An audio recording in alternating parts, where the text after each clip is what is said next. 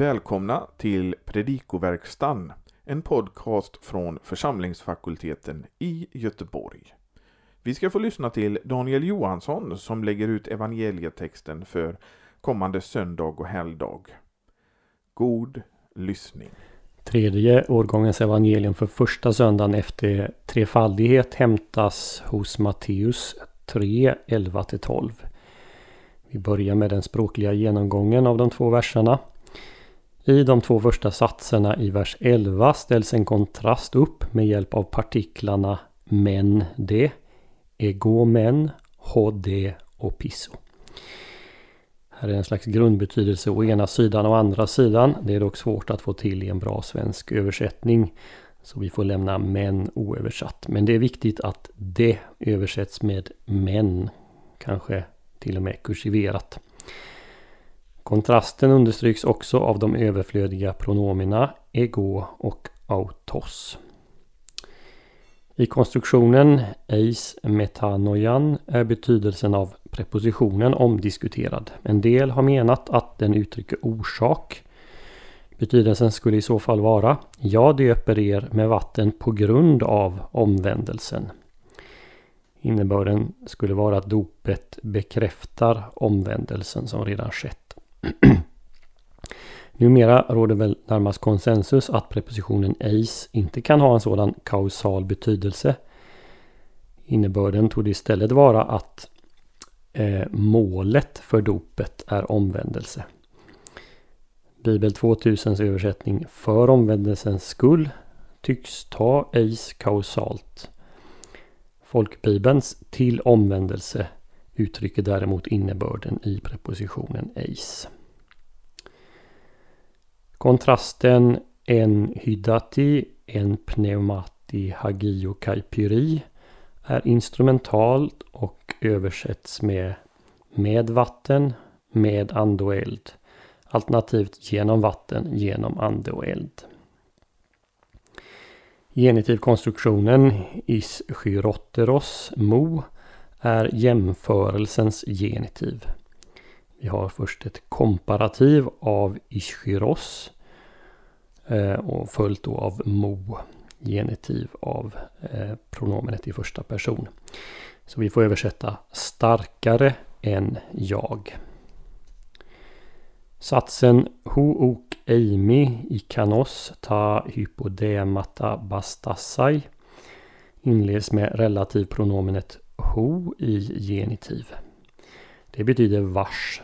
Eh, så ordagrant står här vars sandaler jag inte är värd och så vidare. Samma typ av konstruktion inleder också nästa vers. Ho to ptyon ente auto. Vars kastskovel i sin hand. Eller i hans hand. Vi hoppar tillbaka till vers 11. Grundbetydelsen av infinitiven bastassai är bära. I parallellen hos till exempel Marcus används infinitiven lyssai, lösa. Både Bibel 2000 Folkbibeln översätter här ta av och det är väl en möjlig översättning men det vore naturligare att översätta med bära. Vare sig det handlar om att knyta upp sandalremmarna som hos Markus eller bära sandalerna är det fråga om en slavsyssla. Vad Johannes döparen alltså säger är att han inte ens är värdig att vara den kommandes slav. Notera eh, att den kommandes gärning sen beskrivs med fyra verb alla i futurum. Baptisei, döpa. Diakathariei, rensa. Synaxei, samla. Och katakausei, bränna. Till sist har vi konstruktionen pyri asbesto. Den står i dativ och är sannolikt instrumental och kan med fördel översättas med outsläcklig eld. Både Bibel 2000 och Folkbibeln översätter här lokativt eh, rumsligt i en outsläcklig eld. Men innebörden är väl sist och slutligen densamma. Söndagens evangelium utgör slutet på beskrivningen av Johannes verksamhet hos Matteus och här har vi innehållet i hans omvändelseförkunnelse. Ehm, avsnittet påbörjas då i början på kapitel 3, första versen. Direkt efter våra två verser så följer berättelsen om Jesu dop. De här verserna har viktiga kristologiska implikationer men vi lämnar dem där här nu och koncentrerar oss på vad texten säger om vårt dop, överskriften för första söndagen efter trefaldighet. Huvudfrågan blir då vad Johannes egentligen syftar på när han säger att den kommande ska döpa med ande och eld. Vi noterar dock först att det är två olika dop som kontrasteras i vår text. Johannes eget dop som karaktäriseras av vatten och den kommande dop. För att förstå Johannes dop måste man backa till vad vi lär i de verser som föregår. Enligt vers 2 predikade Johannes omvändelse, metanoite, omvänd er eller gör sinnesändring. Vidare framgår av vers 6 att de som kom för att döpas eh, bekände sina synder. Eller mera precis, de döptes under det att de bekände sina synder. Bekännelsen uttrycks nämligen med ett presensparticip som innebär att bekännelsen sker samtidigt med döpelsen. Och så här i vers 11 innebär konstruktionen eis metanoian att dopet medför omvändelse har omvändelse som sitt mål. Det här innebär att vi har en ganska komplex beskrivning av omvändelsen. Den beskrivs först som ett resultat av förkunnelsen av Guds ord. Johannes förkunnelse. Den uttrycks vidare med att folket döps under det att de bekänner sina synder. Och till sist har dopet som mål en fortsatt pågående omvändelse.